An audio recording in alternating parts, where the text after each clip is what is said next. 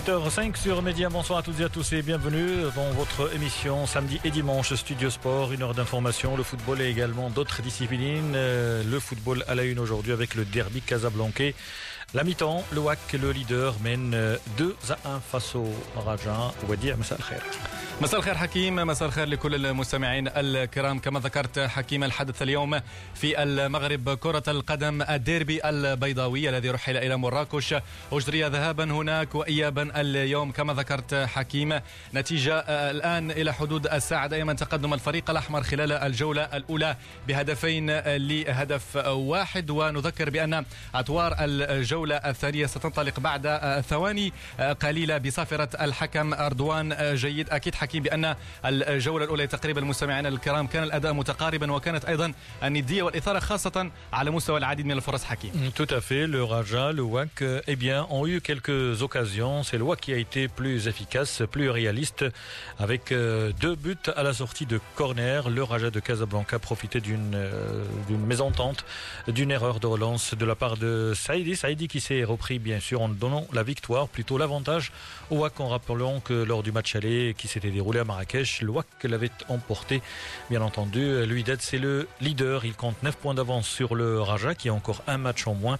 Et une victoire aujourd'hui, à 5 journées de la fin, eh bien, permettrait au WAC de, d'entrevoir le titre de champion du Maroc, le Wydad, qui, le week-end prochain, a un match très important en Ligue des Champions, puisque le seul représentant du Maroc affronte la formation sud-africaine de Sundowns en demi-finale allée de la Ligue des Champions.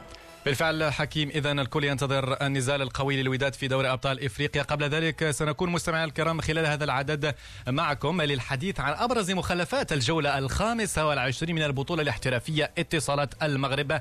نتحدث عن العديد من المباريات التي أجريت يوم أمس وأيضا المباراة الافتتاحية بين الكوكب المراكشي واولمبيك خريب يوم الجمعة الماضية. والمباريات التي تتواصل هذا اليوم إلى جانب الديربي في تمام الساعة السادسة مساء. اتحاد طنجة يستقبل نهضة بركان. أولمبيك آسفي يلعب ضد الجيش الملكي والفتح الرباطي.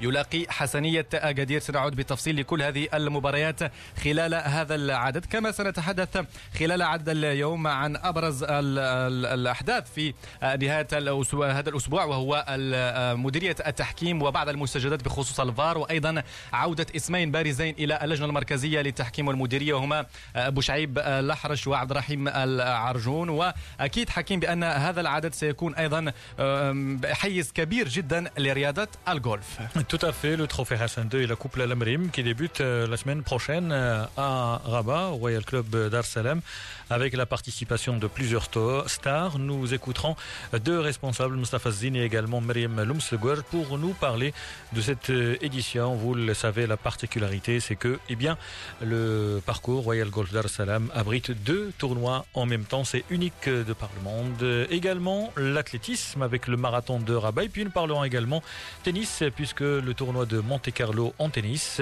a été remporté par l'Italien Fabio Fonini, qui avait créé la surprise hier en dominant Rafael Nadal, l'Espagnol, qui détient le record de victoire à Monte-Carlo et quasiment sur tous les tournois sur terre battue.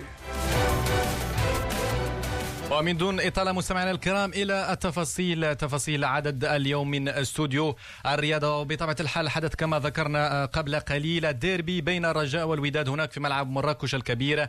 نلعب الآن دقيقة الثانية من الجولة الثانية. دائما تقدم الوداد البيضاوي أمام الرجاء بهدفين لهدفين واحد. نذكر فقط مستمعينا الكرام بأنه فريق الرجاء الذي حقق خمس انتصارات متوالية عاد من بعيد بعد التتويج بالسوبر. وبالتالي بدأت البطولة الاحترافية تدخل مراحل حاسمة أمام الخصم الوداد. الوداد الذي في فترة من الفترات كان الكل يتحدث عن فارق 18 نقطة عن الفريق الأخضر. الكل كان يرجح كفة الوداد للتتويج المبكر باللقب لكن عودة الرجاء عادت ربما التنافس إلى المحك الحقيقي. وأيضا هزيمة الوداد الأخيرة أمام حسنية جدير التي ربما أعطت لهذا الديربي كل هذه الإثارة والندية. حكيم من دون شك الكل في وقت سابق كان يرشح الوداد لكن عودة الرجاء في الدورة الأخيرة أعطى ربما روح جديدة للبطولة الاحترافية. On rappellera que le Raja de Casablanca était engagé sur quatre fronts. Il y a bien entendu la Botola, la Coupe du Trône où il a atteint les demi-finales après avoir remporté l'édition 2017. Le Raja était également engagé en Coupe arabe et la Coupe de la CAF et dans la foulée il y avait la Super Coupe donc il y avait beaucoup d'enjeux, beaucoup de matchs et surtout beaucoup de blessures.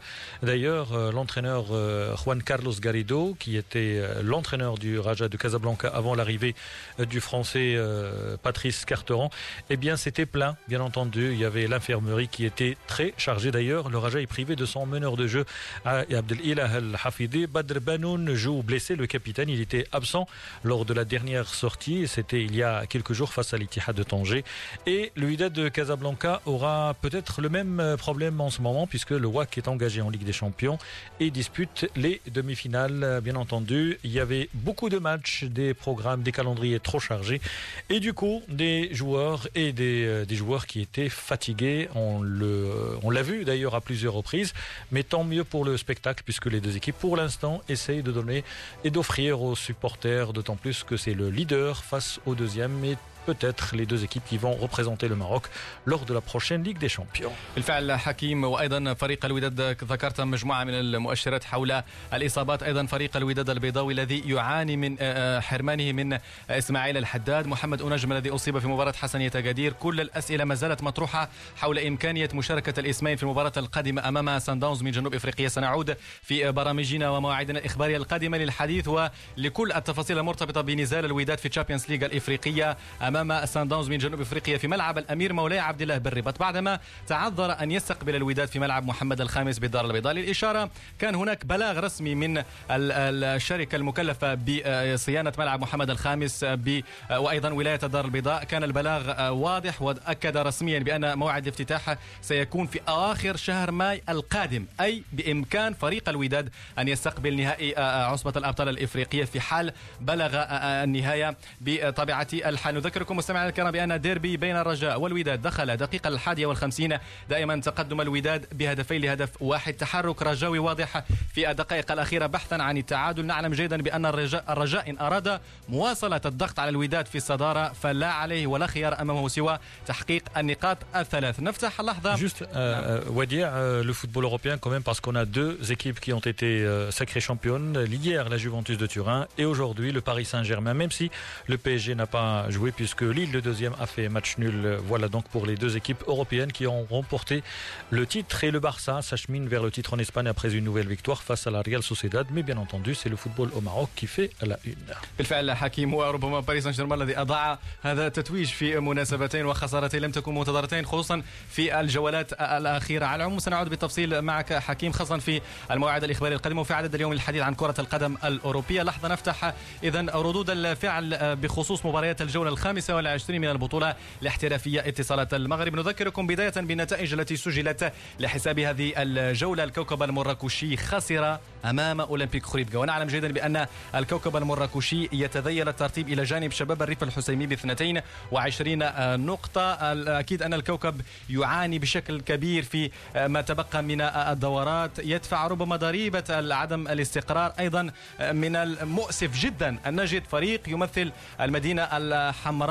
في هذا الوضع. وبالتالي لم يقوى على الاستمرار في نتائجه الإيجابية بعد الفوز على الجيش الملكي في آخر الجولات خارج الميدان أمام جماهيره انهزم بهدف عمر سربوت في الدقيقة 79 لأولمبيك خريبكا أيضا من النتائج المسجلة يوم أمس مولودية وجدة خسرت على ميدانها أمام الدفاع الحسني الجديدي بهدفين لهدف واحد. يوسفية برشيد تفوقت على المغرب التطواني بهدفين نظيفين الهدفين الذي سجل بنيران صديق المهدي بالعروسي هدف ضد مرماه وأيوب مودن بهدف ضد مرماه وأيضا سريع واتزم الذي اقتنص نقاط ثلاث ثمينة على حساب المتذيل الآخر شباب الريف الحسيمي الهزيمة. هي الثانية للمدرب الجديد سعيد شيبا رفقة الفريق الحسيمي أولى ردود الفعل مع بدو زكي مدرب الدفاع الحسني الجديد متحدثا عن الفوز أمام مولودية وجدة بهدفين لهدف واحد. المقابلة ما كان سهل بالنسبة للفريقين بجوج بالأخص فريق الدفاع الحسن الجديدين اللي باغي يزيد الاماكن الاماميه وكيعرف بأن مواجه فريق اللي غادي في خط تصاعدي رغم الهزام تاعو في المباراة الأخرى مع مع تطوان. فهو كيقدم كرة جميلة وحصل نتائج إيجابية اللي خرجته من من الأماكن الأخيرة. وبكل صراحة فلعبنا مقابلة ذكية. لا من ناحية التموقع تاعنا لا من ناحية الحملات المضادة. واستغلينا بعض الضعف ديال الفريق اللي آه، مسيو على الأطراف اللي كيكونوا فارغين. ومنا جوج أهداف بجوج. نقدر نقول بأن أنا ناشط ومسرور بالنتيجة ولكن ما ناشط بالطريقة كيفاش تسجل علينا الإصابة الدقيقه الأخرى. من ضربه ركنيه بهذاك الشكل لأن une équipe في le niveau ما خصكش يدخل إصابة بهذا الشكل هذا. وعلى العموم فهو انتصار كان مستحق. اللي عنده لاعبين موهوبين لاعبين شبان ومزيج بين les vétérans اللي عندهم تجربه وكذلك الشبان اللي عندهم واحد الطموح فهو فعلا مر بواحد مرحلة فراغ اللي طولت كثير. واللي دخلت الشك لا اللاعبين ولا المسؤولين ولا المحبين حتى الفريق فقد ديك الهوية تاعو فقد فقد هذاك البليزير ديال اللعب فما كنظنش بأن فريق أو اللعابة في ظرف ثلاث شهور غادي نساو يلعبوا كرة. ولكن كنا اعتمدنا على الجانب النفسي. وكذلك رجعنا ثقه للاعبين اللي الآن كنشوفوهم كيقدموا كرة جميلة بواحد الثقة كبيرة سواء داخل الميدان أو خارج الميدان. كانت أيضا بدو الزاكي مدرب الدفاع الحسني الجديدي تحدث عن الفوز أمام مولودية وجدة بهدفين لهدف واحد. نذكر بأن بهذا الانتصار الدفاع الحسني الجديدي ارتقى إلى الصف السادس ب 33 نقطة وبات اذا معنيا بالتنافس على إحدى البطاقات المؤهلة إلى المنافسات القارية وبالخصوص كأس الكونفدرالية الإفريقية أمام مولودية وجدة. فتجرع الهزيمة الثانية على التوالي وعاد إلى المركز السابع ب 32 نقطة. نواصل دائما مع ردود فعل الجولة الخامسة والعشرين من البطولة الاحترافية اتصالات المغرب. تحدثنا أيضا عن مباراة الكوكب المراكشي أولمبيك خريب. أولمبيك خريب الذي استطاع أن يقتنص ثلاث نقاط ثمينة على الرغم من الأداء جد جدا المتوسط للفريقين في هذا النزال. نتيجة لا تخدم مصالح الكوكب المراكشي الذي ما زال يتخبط في أسفل الترتيب ب 22 نقطة. ومهمته تعقدت بشكل كبير وكبير جدا في ال ال ال يعني البقاء في قسم الكبار وتفادي النزول إلى القسم الثاني. نستمع لردة فعل رشيد الطوسي مدرب أولمبيك خريبكا بعد التفوق على الفريق المراكشي. كما كتعرفوا هذه المباريات ديال الشطر الأخير من البطولات المباريات اللي كتكون الفرق اللي متقاربه من ناحية التنقيط تعتبر مباريات قوية مباريات صعيبة. تنديروا بين قوسين ولا بين تنديروا مباراة تعتبر مباراة سد. واي فريق كيبحث باش يأمن آه، المكانة ديالو وكيبحث على ربح النقاط. وشفنا لأنه ما بقاتش مباراة داخل الميدان مباراة خارج الميدان. دليل بأنه الفريق الكوكب اللي لعبنا معه تاشي يعني بانتصار على فريق الجيش الملكي خارج الميدان. وأظن بأن هذا أعطاه حافز أكثر. وحنا كنا عارفين صعوبة المباراة. وهي على أساس نفوسنا كذلك اللي إحنا يعني في أربعة مباريات متتاليه اللي كنكونوا من منتصرين وكان تنتعادلوا في الآخر ديال الدقائق. اليوم بدل استراتيجية. حاولت باش يعني نضمن على الأقل ما يتسجلش لنا في الشوط الأول وتكون القطع الغيار اللي غندخل هي اللي تقدر تخلق الفرق. الحمد لله كما تنقول دائما يمكن الاستراتيجيه ديال اللاعب كنتوا لاحظتوها بدينا ب 4 3 2 1 ومن بعد أثناء الشوط الأول يعني ملي شفنا بانه كانت هناك صعوبة خصوصا من جهة اليمين من جهة اللاعب زايل وعميمي. حاولت باش نسد هذيك الطرا وغيرت. المنظومة ككل ورجعت قلعي مباشرة بجهه اليسار لأن كنعرفوا تكتيكيا عنده واحد النضج. في نفس الوقت يا هو اللي رجعتوا للمكان ديالو لعبتوا في المباريات السابقة سنه طنجة. آه، تدبيرنا المباراة هو اللي جعلنا باش يعني ناخذوا ثلاث ثلاث نقاط. كان أيضا رشيد تاوسي مدرب أولمبيك خريبكا متحدثا عن الفوز أمام الكوكب المراكشي. الفوز الذي وضع أولمبيك خريبكا في الصف التاسع ب 31 نقطة. اذا نعود لرصد آخر مستجدات الديربي المتواصل في هذه الأثناء بين الوداد البيضاوي وغارمها الرجاء البيضاوي. دائما تقدم الفريق الأحمر بهدفين لهدف واحد. نذكر بأهداف هذه المواجهة وليد الكرتي افتتح التسجيل في الدقيقة الثالثة عشرة وسفيان رحيمي عدل النتيجة للرجاء قبل أن يمنح السعيدي التقدم لفريق الوداد البيضاوي. نتابع الآن محسن ياجور الذي يستعد للدخول. سنرى من سيخرج ومن سيدخل يعني من سيخرج وأيضا دخول محسن ياجور على اعتبار أن ربما بن حليب كانت هناك مجموعة من الملاحظات حول بن حليب في أدائه خلال الجولة الثانية والتزامته الدفاعية. الآن إسماعيل الحداد يستعد للدخول وبالتالي إسماعيل الحداد يبدو أنه بات جاهزا لخوض اللقاءات رفقة الوداد. سنتابع الأداء الذي سيقدمه إسماعيل الحداد خلال ما تبقى من الجولة الثانية نصف ساعة تقريبا. ما يؤكد أن إسماعيل الحداد بإمكانه أن يشارك اذا في المباراة القادمة الوداد أمام سان داونز. اذا الرجاء ما زال يبحث عن التعديل الوداد عن تعزيز النتيجة ولما لا تسجيل هدف ثالث وقتل المباراة. سنعود بالتفصيل لديربي البيضاوي بكل مستجداته. وأيضا في حال تسجيل أي فريق لهدف خلال هذا النزال. نذكر بأن الوداد في حال فوزه في هذا هذه المباراة فسيرفع رصيده إلى 55 نقطة وبالتالي سيصبح الفارق بين الوداد والرجاء اثنتي عشرة نقطة. وهذا بطبيعة الحال في انتظار المباراة المؤجلة للرجاء أمام حسنية أكادير حسنية أكادير الذي يلاقي مساء اليوم لحساب الجولة الخامسة والعشرين الفتح الرباطي في تمام الساعة الثامنة. مساء. نستمع لحارسه عبد الرحمن الحوصلي متحدثا عن هذا اللقاء وباقي النقاط الأخرى. مباراة جد مهمة بالنسبة لنا خصوصا بعد الانتصار ديالنا الأخير أمام فريق وداد البيضاوي. غادي نواجهوا خصم اللي تي عنده نتائج في الدورات الأخيرة. تنحترموه لكن جينا الرباط على أساس نحققوا واحد ثلاثة النقاط اللي تخلينا دائما ضمن مثلث المقدمة. اللي نتمنى إن شاء الله هو أننا نكونوا أكثر تركيز. فعلا الفريق غادي يعرف مجموعة من الغيابات لكن خزان فريق حسنية أكادير اللي تيتوفر على مركز التكوين اللي تيمثل الفريق الأول بلاعبين في المستوى غتعطيهم فرصة ديالهم. نتمنى إن شاء الله أننا نكونوا كاملين في الموعد والفرص اللي جاونا نسجلوهم باش نحقق واحد الانتصار اللي غيمهد لينا وغادي يخلينا بمعنويات مرتفعة أكثر باش نواجهوا الخصم المقبل اللي هو فريق الرجاء البيضاوي المهم نتمنى ان المباراه تدوز في روح رياضية والتحكيم يكون في المستوى إن شاء الله وفي الآخر اللي انتصار نصفقوا عليه. طيب عبد الرحمن الحواصلي أكيد أن مباراة الفتح الرباطي تبقى مباراة قوية وسيسعى من خلالها حسنية قدير مواصلة البحث عن احتلال إحدى المراكز المؤهلة إلى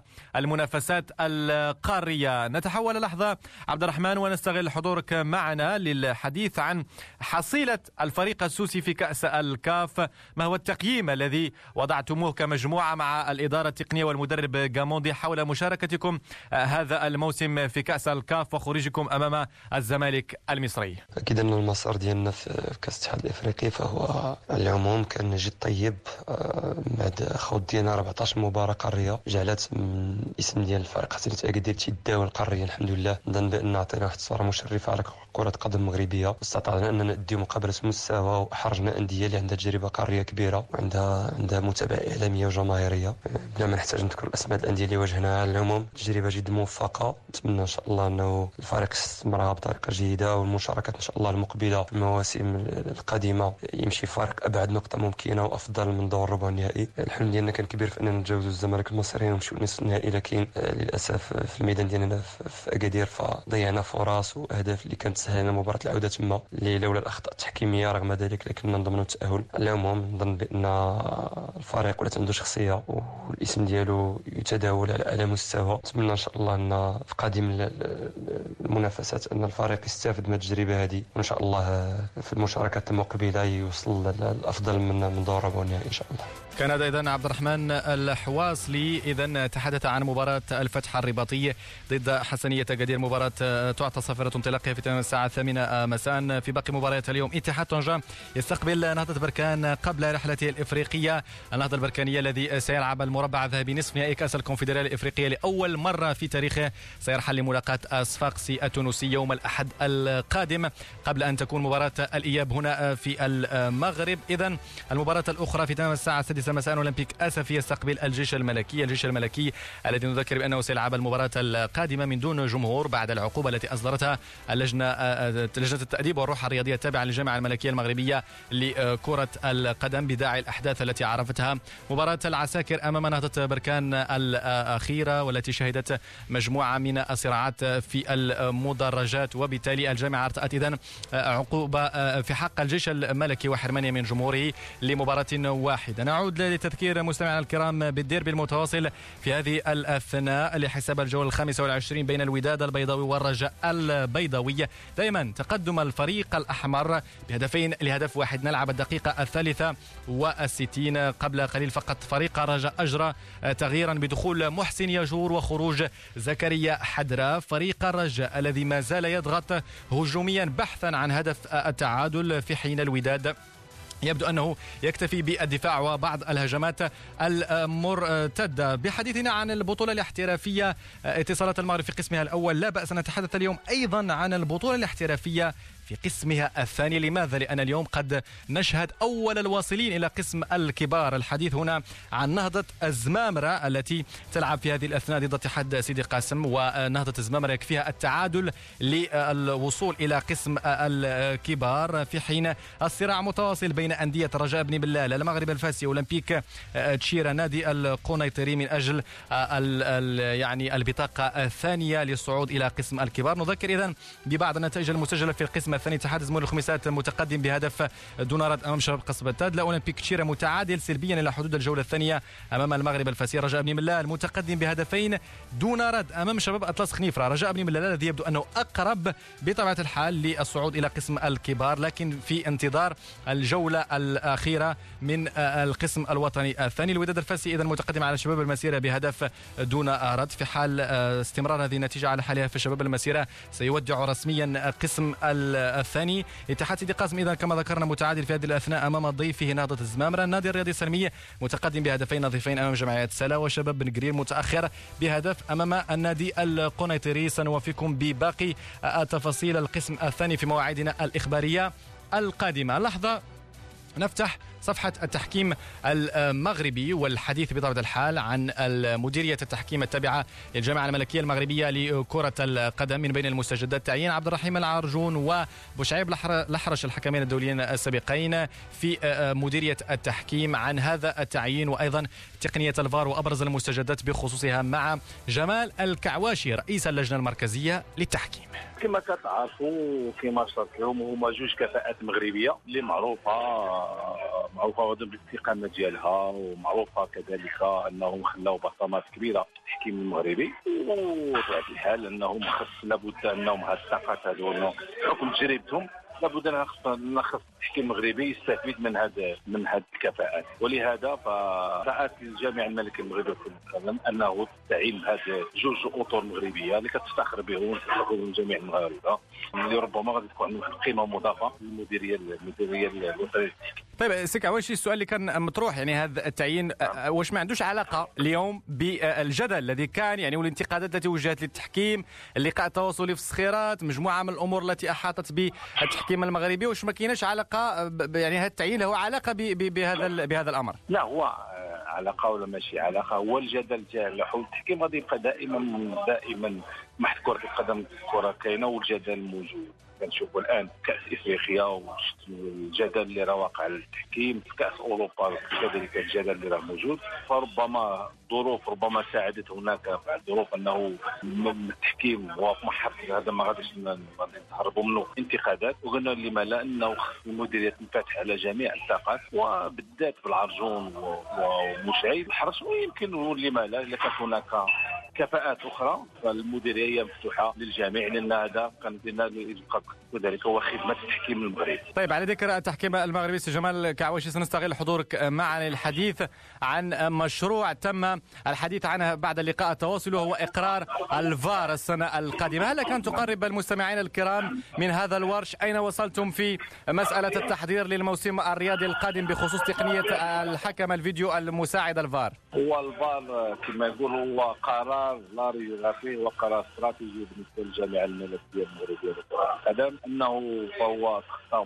واحد خطه كبيرة وإنه الآن إحنا في صدد اتفاقية شراكة مع واحد الشركة من الشركات الكبيرة اللي كاينة على المستوى الأوروبي. يمكن هي اللي غادي تعطي واحد هي اللي يمكن غادي تشرف على على المسائل التقنية على على الفار أنا نظن بلي إنه غادي الشهر المقبل تندخل في المرحلة الثانية كنا في المرحلة الأولى هو عقد الشراكات مع مع الشركة ولكن الآن غادي نمشيو المرحله الثانية هي المرحلة اللي هي مهمة اللي ما ننساوهاش هي مرحلة التكوين لأن خص لابد من من تكوين غادي يكون تكوين مستمر غادي يستمر أكثر من ثلاث شهور. الحكام المغاربة.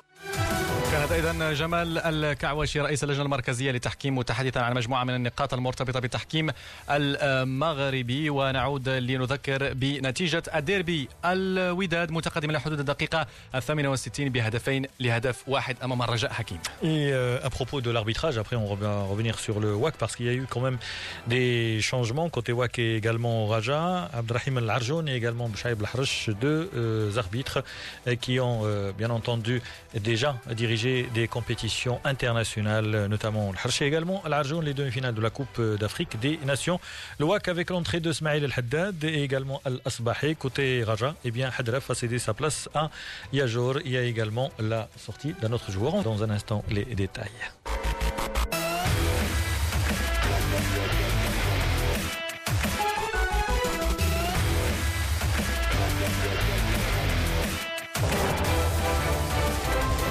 17h34 sur Média. Du nouveau du côté, du côté de Marrakech Wadia, le score a évolué pour ce match WAC Raja. بالفعل حكيم. اذا فريق الرجاء يعدل النتيجة في هذه الأثناء في حدود الدقيقة الثانية والسبعين عبر تسديدة رائعة ومحكمة لمحسن يجور. وبالتالي الديربي الآن يعود إلى نقطة الصفر. ما زالت تقريبا حكيم 17 دقيقة. وبالتالي كل الاحتمالات واردة. أي فريق قد يحسم اللقاء في آخر الدقائق حكيم؟ Et euh, on ne sait pas si le choix de l'entraîneur Fauzi Banzarti ou bien c'est la pression du Raja, mais le WAC a beaucoup reculé lors de ces dernières euh, minutes.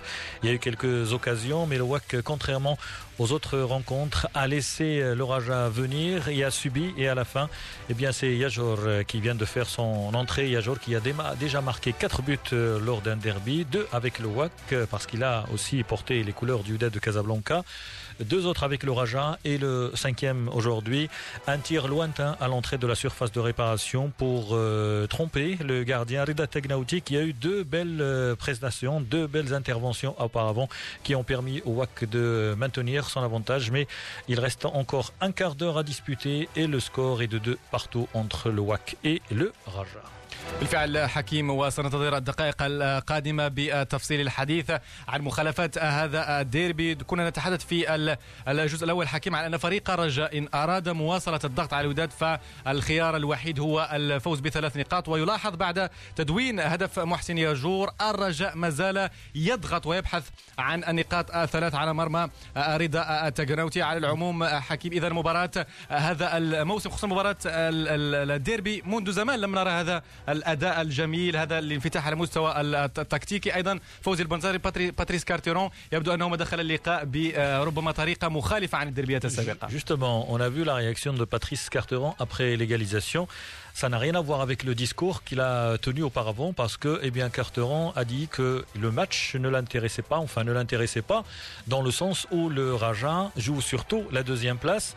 Là, quand on voit comment il a manifesté sa joie après l'égalisation, il bon, dans sa tête, il joue encore le titre, même si, il faut le reconnaître, le Wydad est idéalement placé. Le WAC euh, compte 9 points d'avance sur le Raja de deuxième, même si le Raja a encore un match en moins.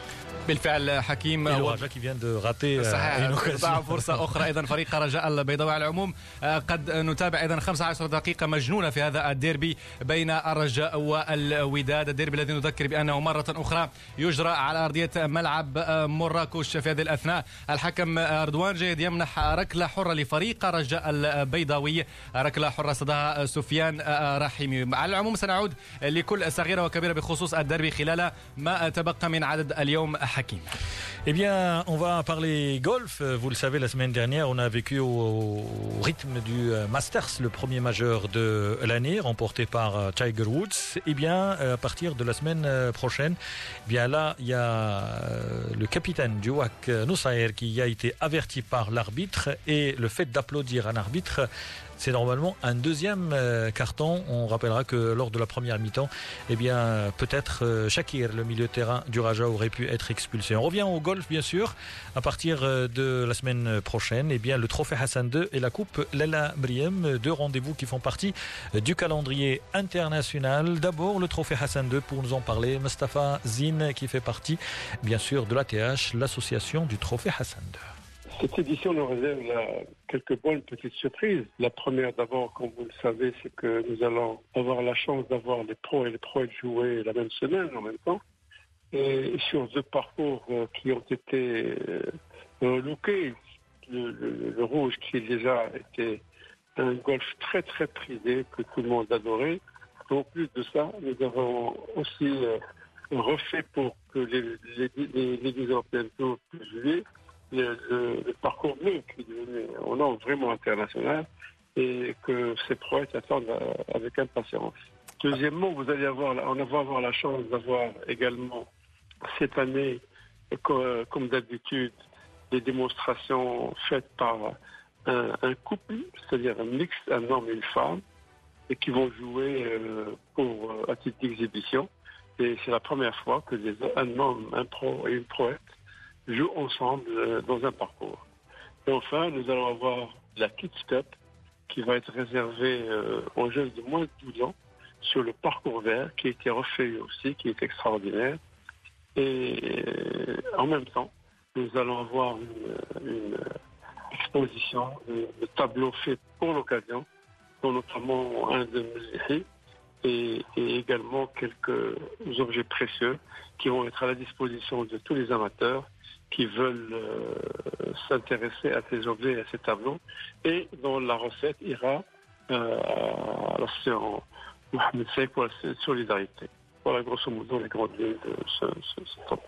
Alors euh, justement, euh, ce tournoi est devenu tellement authentique euh, à travers le monde, puisque seul ce tournoi regroupe les deux compétitions, à savoir le trophée Hassan II et la coupe Lalla Meriem. Chez les hommes, au total, 156 joueurs de différentes nationalités participeront à cette édition. De l'autre part, il y a aussi les golfeuses de la coupe Lalla Meriem. C'est toute une logistique qui se prépare durant toute la semaine à Rabat. Oui, absolument. Vous savez, je pense que l'expertise actuellement de, de la TH, de l'association du trophée Hassan II, une expertise qui est vraiment reconnue dans le monde entier. Et vous pouvez, si vous êtes sur place, poser la question à l'European Tour et aux Ladies European Tour qui vous confirmeront que l'organisation est extraordinaire. Pour revenir aux choses des joueurs, vous savez, il va y avoir euh, quelques grands noms de, de, de, du golf mondial. Euh, comme vous l'avez dit tout à l'heure, il y a près une quarantaine de nationalités. Et c'est valable aussi bien pour les hommes que pour les femmes. Il va y avoir évidemment l'ancien détenteur de l'ancienne édition, euh, Alexandre Lévy, mais il va y avoir aussi euh, Thomas Brown, Just Newton, euh, JD qui vient de Thaïlande et, même euh, Andy Sullivan qui vient d'Angleterre. Vous allez avoir euh, un son important. Du côté des femmes, on va avoir euh, la Suédoise Jenny Hagland, la Norvégienne Marianne Chaplin et Mahad Dioui qui est notre prouesse nationale qui va défendre les couleurs du Maroc.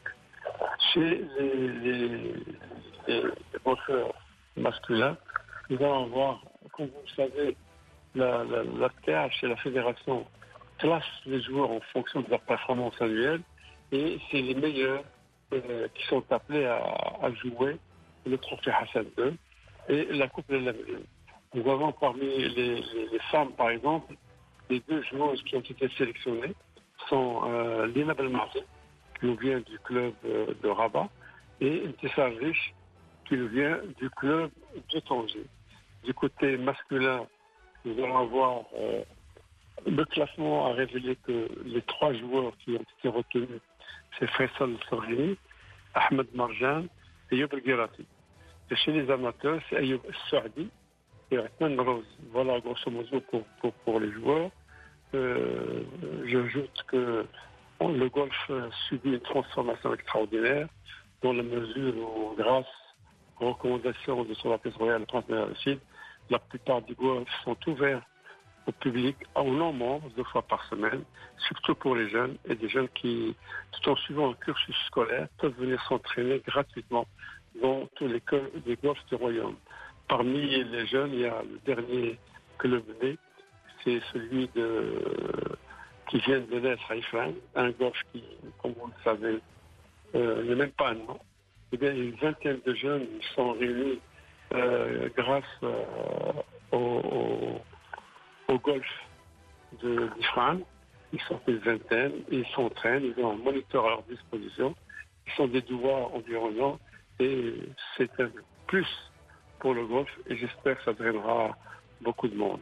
Donc euh, c'est une aubaine pour les golfeurs euh, marocains et ce sera d'ailleurs ma dernière euh, question, Monsieur Mustafa Zine. La question qui se pose chaque année, est-ce qu'on verra un Marocain qui va franchir le cut? Ça, ça s'est déjà produit par le passé. Cette année, qu'en est-il concrètement des chances de nos golfeurs marocains?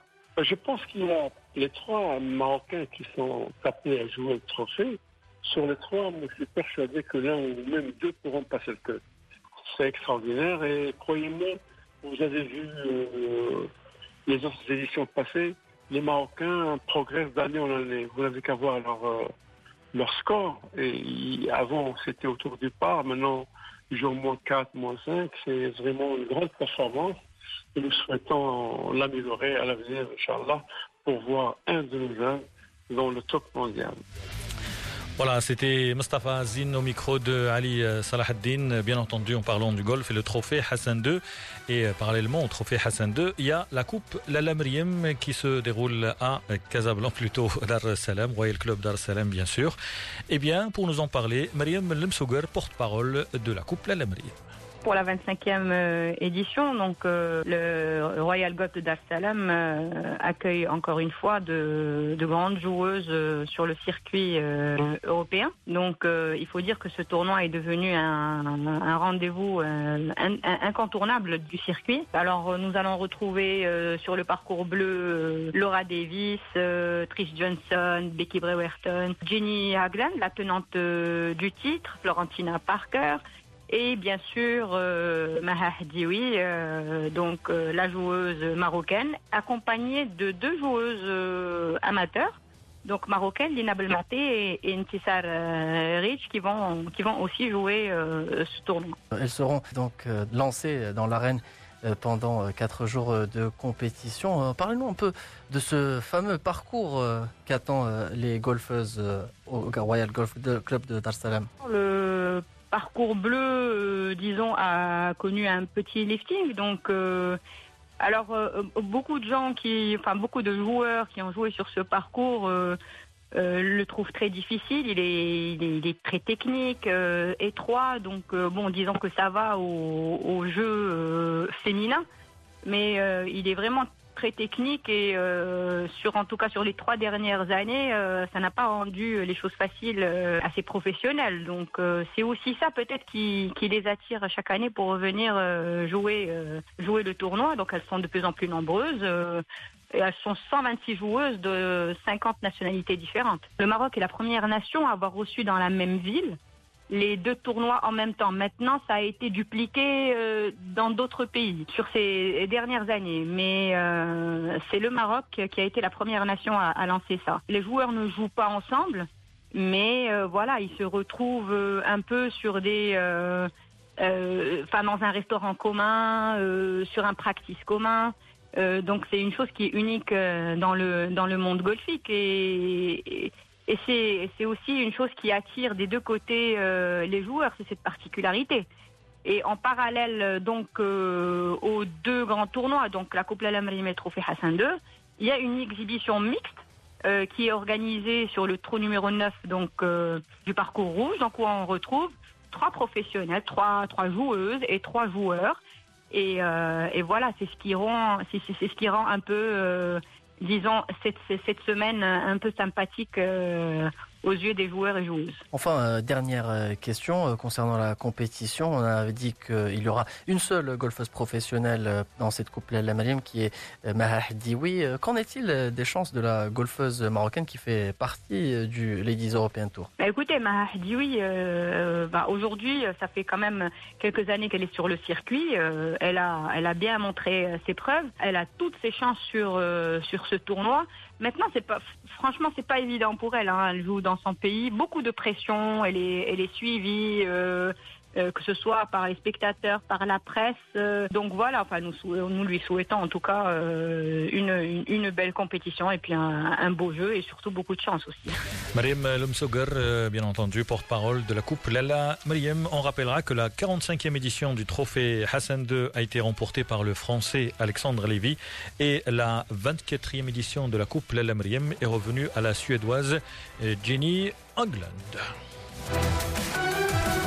ومن رياضة الجولف إلى ألعاب القوى حيث الحديث الآن عن ماراثون الرباط الدولي وأيضا نصف الماراثون. في نسخته الخامسة حيث أسدل ستار اليوم على المنافسات بتتويج الكيني سامي كيغان بسباق الماراثون محطما الرقم القياسي للسباق. ساعتان وثمان دقائق واثنتي عشرة ثانية. وأيضا المغربي عثمان القمري الذي جاء في الصف الثاني للحديث عن يوم الماراثون بالرباط وأبرز النتائج التي سجلت هذا اليوم. نستمع لمحمد النوري الناطق الرسمي باسم الجامعة الملكية المغربية لألعاب القوى. عاش مدينة الرباط وعاش الرياضيون. يعني جميع المهتمين بالرياضة ديال الماراثون أجواء جميلة جدا خصوصا وأن ما كنا نتوقعه تحقق بل يمكن تجاوز حدود ما كنا نتوقعه وهو أن عدد المشاركين ناهز 24500 وهذا جد إيجابي بالنسبة للماراثون حديث العهد يعني الدوره الخامسة. اذا جينا نقارنوه مع باقي الماراثونات على الصعيد الدولي ديال بوسطن ديال لندن ولا ديال باريس. تنتبه على أن هذا المولود سمينا نهار الأول المولود بدأ يكبر وبدأ الأقدام ديالو تثبت يعني في الأرض وغادي في الطريق السوي. هذا من جهة المشاركة. كذلك من حيث النتائج كما عرفتوا بأن النتائج تحطم الرقم القياسي بالنسبة للماراثون الذكور التوقيت اللي كان سابقا يعني تحطم. فضلا عن ذلك وهو أن السيمي ماراثون تحقق كذلك آه، رقم قياسي سواء بالنسبة للذكور سواء بالنسبة للإناث. وهذا مؤشر إيجابي على العملية ديال الاختيار بالنسبة للعدائين على عملية الاختيار آه، بالنسبة للتوقيت. يعني هذا الماراثون حسب آه، ما صرح لي به أحد العدائين المغاربة البارزين في الماراثون آه، جواد غريب على أنه مستقبلا غادي يحتل المراتب العشرة الأولى إن شاء الله على الصعيد العالمي وليس هذا ببعيد لأن الدورة الأولى ماشي هي الدورة الخامسة. وكذلك المفاجأة اللي حدثت تحطيم الارقام القياسيه ديال الماراثون. اللي أهم من ذلك وهو أن هناك بطل مغربي عثمان الكمري الأخ ديال المرحوم القمري اللي كان كذلك هو متخصص في الماراثون. احتل المرتبة الثانية وهذا مؤشر إيجابي على انخراط آه، الشباب آه، الاستراتيجية المتبعة من طرف الجامعة الملكية المغربية. لا على مستوى العدو الرئيسي لا على مستوى العاب القوى أنا تنشوف بأن الماراثون ديال آه، الرباط نجح على جميع المستويات بكل المقاييس. صحيح وأكيد سي نوري أن الماراثون بطبيعة الحال كما نعلم وأيضا مجموعة من الرياضات الأخرى. الهدف الرئيسي أكيد أنه هو رياضي ولكن هناك أيضا أبعاد أخرى. نعلم أيضا على المستوى السياحي على المستوى ديال الجاذبية ديال المجموعه من كما ذكرتي الأسماء العالمي اللي تجي وتشوف يعني مجموعة من الأمور السياحية بالمغرب. سأعود معك فقط في سؤال آخر سي النوري بخصوص المشاركة المغربية. نتحدث عن المغربي عثمان القمري اللي احتل الصف الثاني. الآن كيف يمكن الحفاظ على هذه المكتسبات؟ لأنه نريد في المستقبل أن نرى المغاربة يحرزون الماراثون يعني يجوا في الصف الأول. يعني كيف سيتم العمل على هذا الأمر؟ ولما لا إضافة أسماء أخرى للتنافس مع المسيطرين من كينيا وإثيوبيا بالخصوص؟ بالنسبة للنتيجة اللي حققها عثمان الكمري هذه نتيجة أنا سنعتبرها جد مشرفة وغادي تكون حافز حافز للعدائين المغاربة باش يمشيو لهذا التخصص إذا كان الراضي وكان الغازي كان سعيد عويطه وكان اللهبي وكان حسنا بن حسي وجواد غريب وما إلى ذلك من الأبطال المغاربة رسخوا في الذاكرة ديال الشباب يعني المفهوم ديال ألعاب القوى وكذلك حلاوة الانتصار ويعني النخوة بالانتصار. هذا الشاب يعني قمري عثمان وكذلك الشباب يشاركوا اليوم غادي آه، أنا تنعتبرهم آه، نموذج للشباب اللي بغى يسقل المواهب ديالو. اذا هذه كلها عوامل ومؤشرات غادي تكون صالح شباب المغرب اللي من خلال هذا المنبر الصحفي تنوجه نداء يعني باش ينخرطوا استراتيجية ديال الجامعة باش يتسجلوا في في الجامعة لممارسة الرياضة الألعاب القوى لأنها أصبحت من الوسائل الضرورية خصوصا وأن المغرب يعني حتى إذا رجعت الدستور تم دستورة الرياضة في الدستور 2011 وكذلك توجهات صاحب الجلالة الملك محمد السادس نصره الله وهو انخراط الشباب في منظومة ممارسة الرياضة. هذه كلها جوانب إيجابية اللي خصها تحقق بحول الله كان اذا محمد النوري ناطق رسمي باسم الجامعة الملكية المغربية لألعاب القوى تحدث عن الماراثون الدولي للرباط الذي أسدل الستار عليه هذا اليوم. نعود اذا حكيم لنختم عدد اليوم بالحديث عن الديربي. دقيقة فقط تفصلنا على نهاية الديربي بين الرجاء والوداد. دائما التعادل هدفين لمثلهما. Tout à fait, match nul. Il reste une poignée de secondes avant la fin de cette rencontre. Le match est interrompu en ce moment. Parce que Omar Boutaïeb, le latéral droit du Raja, est blessé. Bien entendu, c'est un bon résultat pour le Wydad de Casablanca qui conserve ses 9 points d'avance sur le Raja, le Dauphin, même si, eh bien, on le sait, le Raja a encore un match en moins. Il reste 5 journées à disputer, 15 points en jeu, mais le WAC a besoin de deux victoires. Reste à savoir comment le WAC va gérer son calendrier parce que le Wydad a encore la Ligue des Champions et un match très important, d'autant plus que le WAC veut gagner la Ligue des Champions une troisième fois. Après deux succès, eh bien, Wydad jouera le week-end prochain à domicile face à Sundowns et le match retour, ça sera en Afrique du Sud avec un déplacement très difficile pour le leader de la Botola. On n'a pas le temps, mais on va rappeler quand même que, eh bien, en France, le Paris Saint-Germain a été sacré champion. C'était prévu, mais on le sait, le Paris Saint-Germain a raté trois occasions. C'était bien entendu euh, face à Lille, face à Strasbourg euh, et également l'Italie. La Juve a été sacrée. On doit rendre encore l'antenne d'après notre réalisateur Mohamed Nouir. C'est la fin de cette édition. Merci de votre fidélité. Merci également à Wadir. Et le, le derby, c'est fini également de partout entre le Raja et le WAC.